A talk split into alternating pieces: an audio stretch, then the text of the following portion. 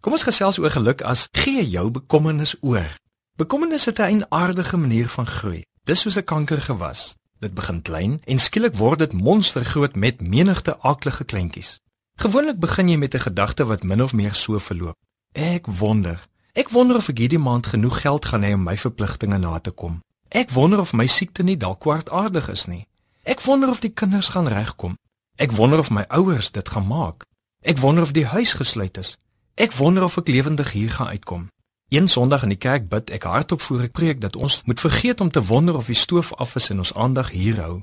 Na die diens sê iemand vir my, sê die hele diens niks van my preek gehoor en was net heeltyd gewonder of die stoof af is. En toe wonder sy of die huis gesluit is. En so het sy hele diens sit en onbekommer.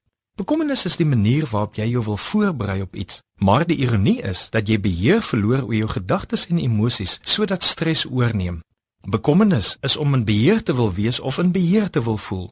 Maar gewoonlik bekommer jy jou oor goed waaroor jy nie regtig beheer het nie.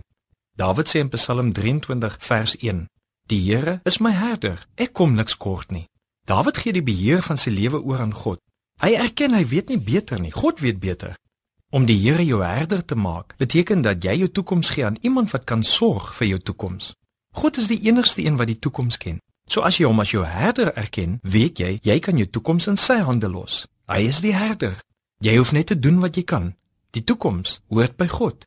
Die beheer van die toekoms is by God. Jy kan jou blou bekommer oor die toekoms en niks sal daarin verander nie. Jy gaan net sit met maagsere. Maar jy kan jou toekoms oorgee en jou bekommernisse oorgee aan God en hom vertrou daarmee. Die skuif is om die beheer van die wêreld en die beheer van jou lewe oor te gee na waar dit hoort en dis by God. God wag op jou om hierdie geloofstap te neem. Gee wat jou bekommer aan hom oor. Moenie dat jou bekommernis groei nie. Laat eerder jou geloof in God groei. Dit beteken jy erken God kan dinge beheer. Dit beteken jy hou op om self God te probeer speel. Hoe gee jy jou bekommernis oor? Jy gesels met God daaroor. Jy noem dit vir hom en jy sê vir hom dankie dat hy jou herder is. As herder neem God die verantwoordelikheid om in jou behoeftes te voorsien. Hy maak jou vry van bekommernis. Hy weet lankal die beste en hy weet wat nodig is vir jou en jou mense en vir die toekoms. So kom, raak vry van bekommernis. Gee dit vir die herder. Leer die herder ken. Sy naam is Jesus.